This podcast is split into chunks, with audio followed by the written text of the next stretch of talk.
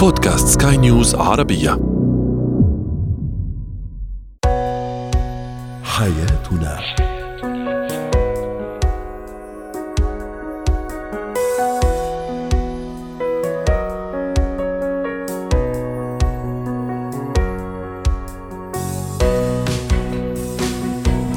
مستمعينا الكرام أهلا بكم معنا إلى برنامج حياتنا فضاؤكم اليومي الذي يعنى بشؤون الأسرة وباقي الشؤون الحياتيه الأخرى والذي يمكنكم الاستماع إليه عبر منصه Sky News Arabia dot com slash podcast وباقي منصات سكاي نيوز عربيه الأخرى. شاركونا عبر رقم الواتساب 00971 معي أنا ابتسام العكريمي.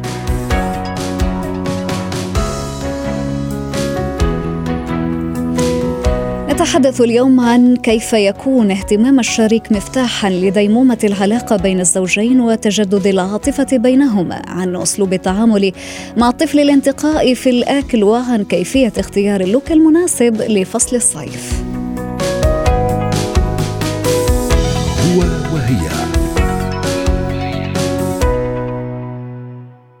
كم جميل هو الاهتمام وخاصة عندما يكون من شريك الحياة. هذا الأمر تأكدوا أنه يعني الكثير سواء للزوج أو حتى للزوجة. لا بل إنه من أولى المسارات التي تؤدي إلى ديمومة مؤسسة الزواج وثباتها أيضا. رحبوا معي مستمعينا الكرام بالدكتورة الاستشارية النفسية والأسرية دكتورة لنا أصص أهلا وسهلا بك معنا دكتورة مساء الخير. بداية يعني خلينا نعرف من حضرتك وجوه الاهتمام بالشريك. كيف يكون وكيف أستطيع أن أظهره؟ لأن هناك بعض الأزواج مثلا أو الزوجات قد لا يعلمون كيف يترجمون اهتمامهم المقابل للطرف المقابل بالشكل الصحيح. نعم. الاهتمام هو آه، أمر جدا أساسي بالعلاقه ويعني آه، يجب آه، الحفاظ على الاهتمام لأنه هو سر من أسرار ديمومة العلاقة. هلأ عندنا عدة أشكال من الاهتمام. عندنا الاهتمام العاطفي اللي هو بيكون بي عم يتضمن التعبير عن المشاعر عن الحب عن الحنان إنه يكون في عندي رغبة رؤية الشخص الآخر الاستماع له أن يشوفه سعيد ومرتاح. عندنا الاهتمام العقلي يعني أنا لما أكون مع شخص بعقلي يعني يكون عم بهتم بأفكاره تشارك أنا وياه محادثات فكرية ثقافية يكون عم فوت أنا وياه بمناقشات بتبادل أفكار أكيد عندنا الاهتمام اهتمام فكري يعني. عم بهتم. نعم اهتمام فكري. أه بكون عم بهتم بالشخص الثاني جسديا بهتم بصحته الجسدية بكون عم بهتم بلياقته البدنية بكون عم بروح أنا وياه نعمل رياضة ناكل أكل صحي نكون عم نعمل نشاطات أه جسدية. عندنا اهتمام المادي اللي هو بيكون عبر توفير الهدايا والدعم المادي بنقدر الشخص الثاني عبر تلبية احتياجاته المادية. وبكون عم بهتم فيه بأمور آه، ملموسة مش بأمور مش بأمور عاطفية. طيب. أكيد عندنا الاهتمام الزمني اللي هو أنا لما أقضي وقت في وجودي ونوعية آه، واهتم بتفاصيل حياة الشريك آه، وأكون موجودة قلبا وقالبا معه. جميل جدا. اهتمامي بشريك الحياة أو اهتمام الشريك بي، هل له حدود معينة لازم ما نخترقها مثلا علشان ما ينقلب هذا الاهتمام ضد المصلحة المراد بها وهي استقرار الحياة الزوجية؟ نعم. كل شيء بيزيد عن حده بي بينقلب ضده. هذا في هيك مثل بيقول يعني. ما فينا نهتم بشكل مبالغ فيه لأن بنكون عم نكسر الحدود والحواجز الشخصية مع الشريك اللي هي كمان آه، جدا مهمة بالعلاقة. اني أنا حافظ على هال المساحة. النفسية. فما في يضل كثير عم بهتم ولا في ما اكون عم بهتم. لازم اكون عم بعمل هذا الشيء باعتدال وعند الحاجة. يعني إذا الشخص الثاني ما بحاجة إني أهتم فيه هلا ما في أفرض الاهتمام ولا في يكون عم بعمل آه، آه، يعني آه، اهتمام ما له معنى لأنه ما حيكون الشخص الثاني عم بحس بالأثر تاعه.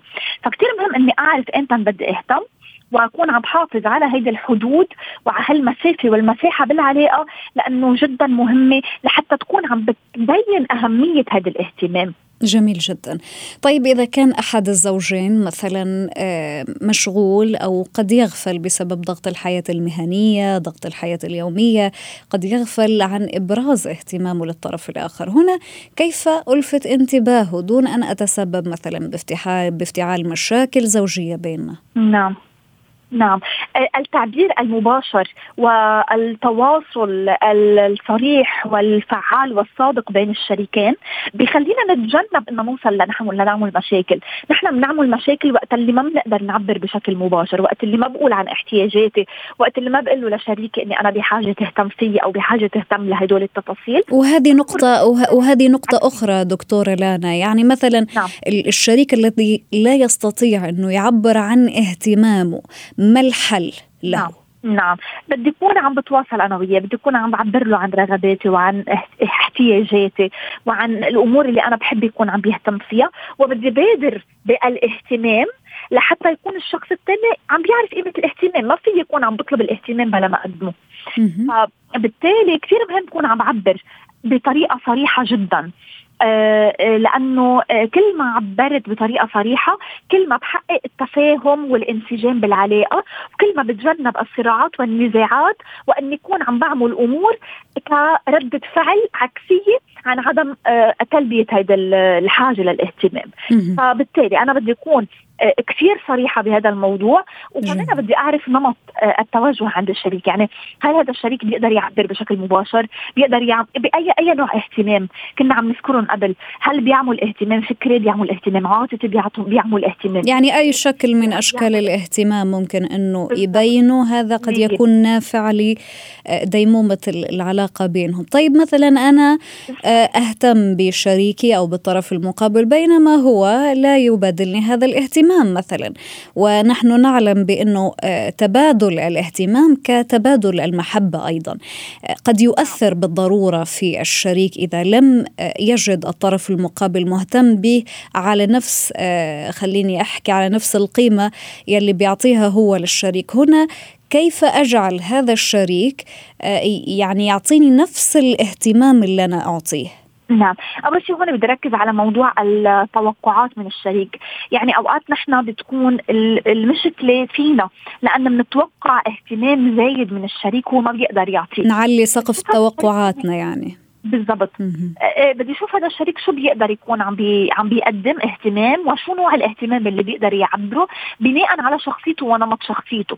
لأن في أشخاص ما بيقدروا يعبروا مثل ما قلنا هن introvert أشخاص آه منغلقين على ذاتهم. في عنا أشخاص منفتحين بيقدروا يكونوا عم بيعبروا بشكل أكثر مباشر. فأنا بدي أشوف نمط الشخصية تاع الشريك وعلى اساسه اكون عم حط التوقعات. نعم. طبعا دكتورة لانا دائما الاهتمام دائما ما يكون يعني متبادل أو حتى من طرف واحد. وبهذا الأمر قد تستمر ربما الحياة الزوجية سواء كان هذا اهتمام ثنائي أو حتى من طرف واحد. ولازم حتى الطرف اللي قد يعيش قد لا يعيش اهتمام متبادل من الشريك. يعني لابد أنه يحول هذا ال ال هذا المشكل أو هذه المعضله إلى آه، خلينا نحكي مسار علشان يلفت انتباه الطرف المقابل دون أن آه، يتسبب بافتعال أي مشكلة قد تؤثر على استقرار الحياة الزوجية بينهما. شكرا جزيلا لك دكتورة لنا أصوص الاستشارية النفسية والأسرية. يعطيك ألف. زينة الحياة.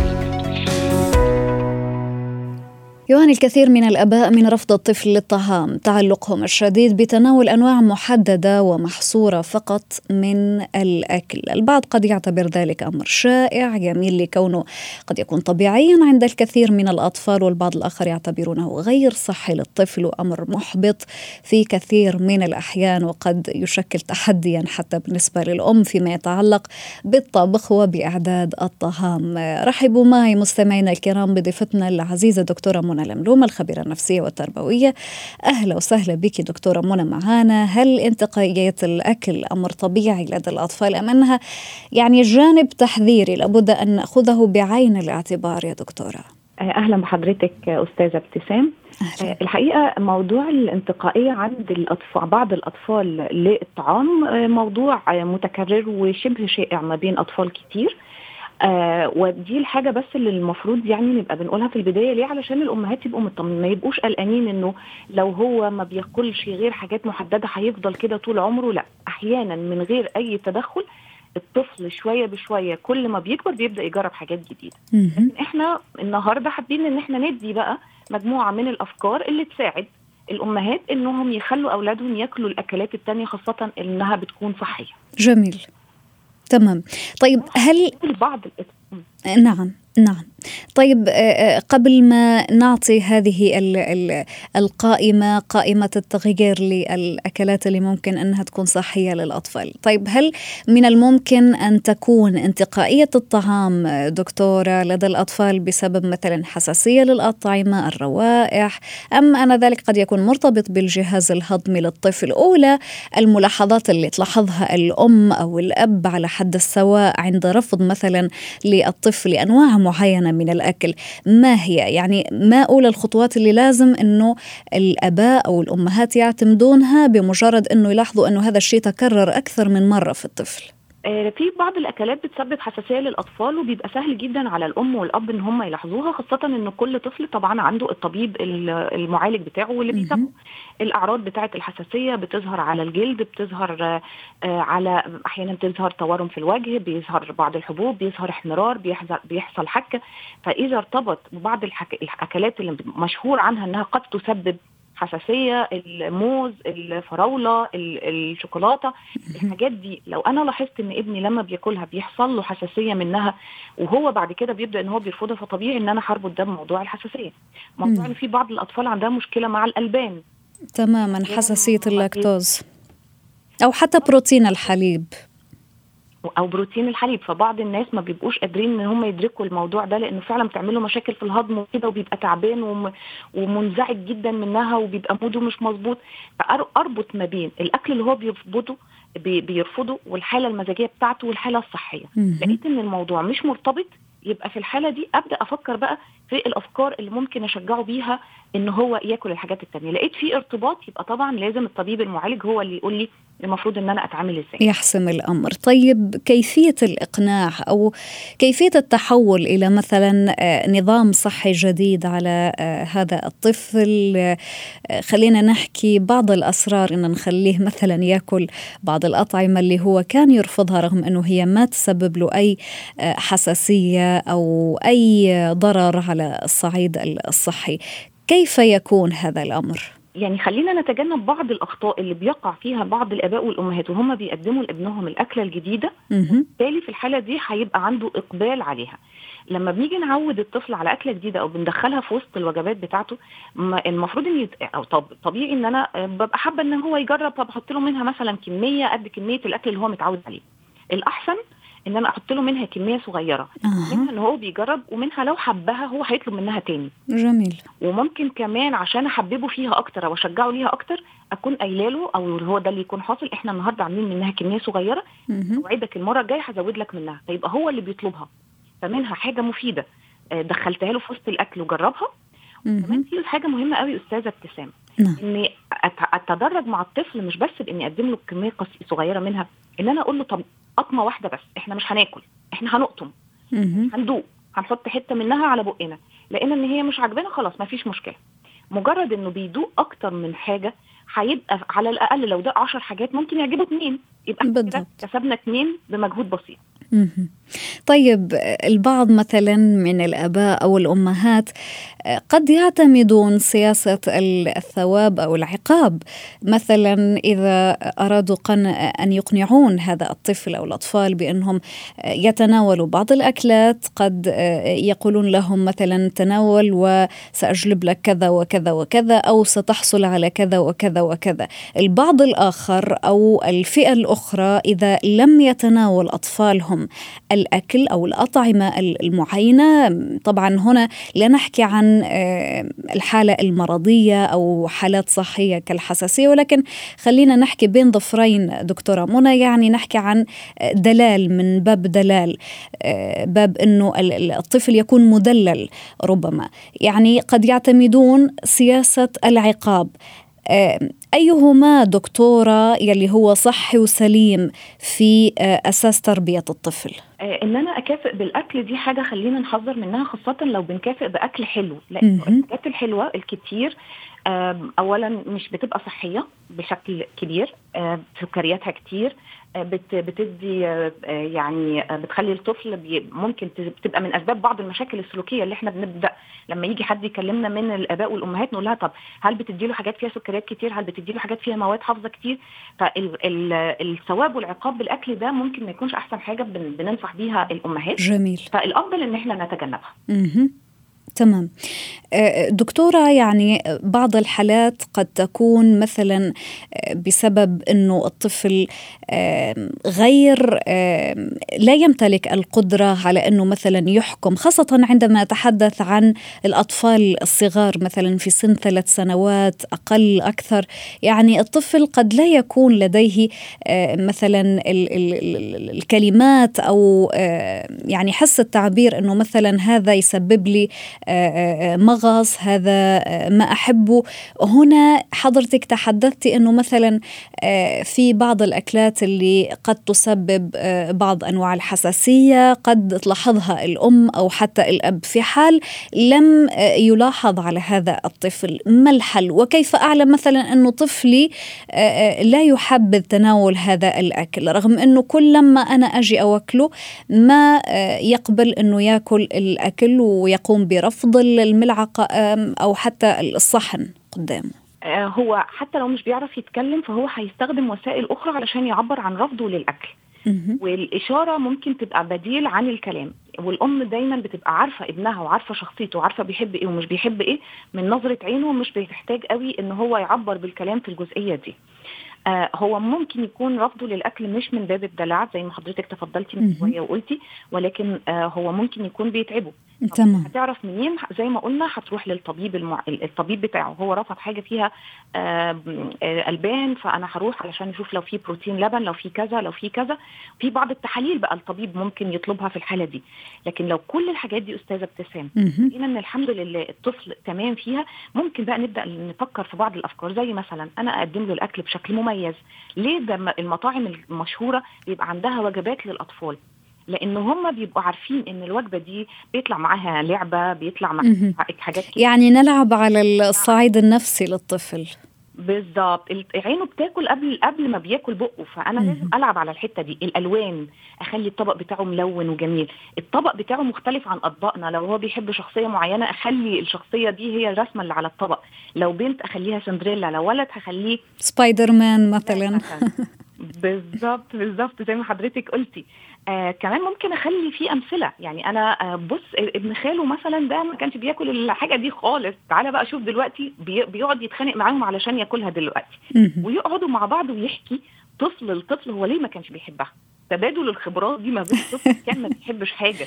جميل الموضوع. شكرا شكرا جزيلا لك دكتورة منى على كل هذه الإضاءات والنصائح. يعني آه، من المؤكد أنها ستفيد الكثير من الأباء والأمهات الذين يستمعون إلينا الآن. شكرا جزيلا لك دكتورة منى لملومة الخبيرة النفسية والتربوية ويعطيك ألف عافية. جمالك. الكثير من الأشخاص الذين يتساءلون عن آه، الموضة لفصل الصيف، الألوان، الميك أب، قصات الشعر حتى، طرحنا سؤالنا التفاعلي ما هي ألوانك المفضلة لفصل الصيف؟ وهل تفضل تتبع الموضة؟ رحبوا معي مستمعينا الكرام بضيفتنا العزيزة أستاذة منار اقتشاط خبيرة الموضة، مساء الخير أستاذة منار، اذا هذا هو سؤالنا التفاعلي وتعليقات كثيرة وصلتنا على منصات سكاي نيوز عربية، تعليق يقول لون لوني المفضل في هذا الموسم هو البرتقالي يلي ينفع يكون يومي أو حتى في مناسبات. تعليق آخر يقول اللون الأحمر الكرزي كثير دارج في لون الشفاه لهذا العام لكن أنا ما أفكر آه، بتجربته. أهلا وسهلا بك مرة ثانية معنا أستاذة منار. يعني لو نتعرف بداية عن الألوان الرائجة لموسم الصيف لهذا العام. Hi أول شيء كيفكم جميعا. أهلا وسهلا. الألوان لهاي الصيف هي الألوان اللي قوية بنفس الوقت الألوان الدافية. يعني الأحمر من النارية يعني. لهاي الصيف. yes ال pink كمان دارج لهاي الصيفية اللون البنفسجي موجود بقوة هاي الصيفية كمان طمنينا على التعليق اللي وصلنا. اللون البرتقالي دارج أستاذة منار. نعم دارج. جميل. بقوة كثير كبيرة وموجود وحتى درجاته لأنه ما بيناسب كل درجات البشرة بيناسب درجات البشرة الباردة أو ال cool هي بتكون درجات فاتحة. ال pink كمان الزهري موجود حتى الزهري اللي فاتح جدا.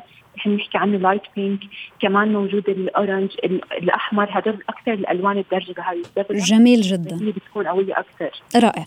طيب آه، آه، هل تفضلين مثلا تنسيق الألوان ألوان اللباس مع لون الشعر؟ مثلا هل هناك ألوان آه، محددة لهذا الموسم تماشيا مع لون الشعر الأسود أو الغامق أو البني؟ وهل هناك أيضا ألوان بعينها تماشيا مع الألوان الفاتحة لألوان الشعر؟ الشعر مثلا اللون الناري الأشقر يعني بدرجاته وما إلى غير ذلك. هلا إنه ننسق الاوتفيت على الشعر. هذا الشيء بيكون حسب ال undertone تاعنا حسب لون بشرتنا. جميل. على أساس إحنا لما نختار اللون اللي بيكون fit على البشرة تبعنا بعد هيك بيكون ال outfit matching يعني بيكون ال outfit متطابق مع اللون متناسقة. الألوان الدارجة بالشعر هي الألوان الفاتحة الكستنائي الأشقر الفاتح أكيد الأسود أكيد. يعني كل البنيات بدرجاته كله موجود بس أكيد كل سيده لازم تختار اللون اللي يناسب بشرتها كثير منيح لحتى ما يعطيها شحوب أو بهتان بالبشره جميل جدا. طيب نذهب الآن إلى درجات الميك أب الألوان. آه، نتحدث عن الميك أب اليومي وأيضا عن الميك أب الخاص بالمناسبات. ما هي أبرز الألوان اللي آه، تكون ترند هذا الموسم؟ الميك أب هاي كمان رايحة شوي لل pink في بقوه حتى ال blush بيكون pink ال eyeshadow بيكون pink بس كله بدرجات كثير فاتحة. يعني كأنه السيدة ما عم حاطة أي شيء ميك اب على وجهها. كل شيء يعني مثل تقنية ال makeup no makeup yes إنه ما يكون كثير في اشياء ميك اب على الوجه حتى بالمناسبات ما يروحوا لكثير contouring ما يروحوا للاي لاينر حتى الموضة اللي عم بتكون الاي لاينر هسه نزلت اللي بيكون في منه عدة ألوان. لأنه غير عن الأسود. هذا كثير كان من أحلى صيحات الموضة الاي لاينر الأبيض.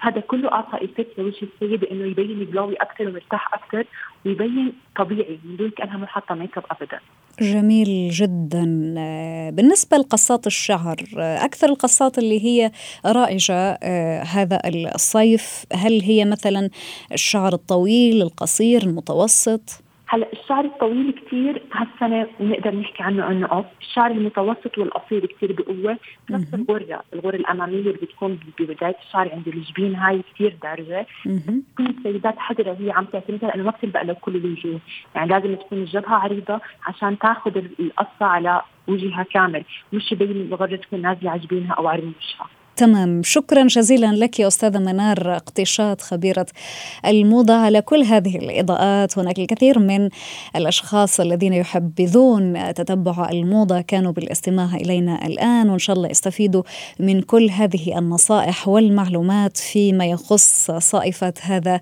العام. يعطيك ألف عافية.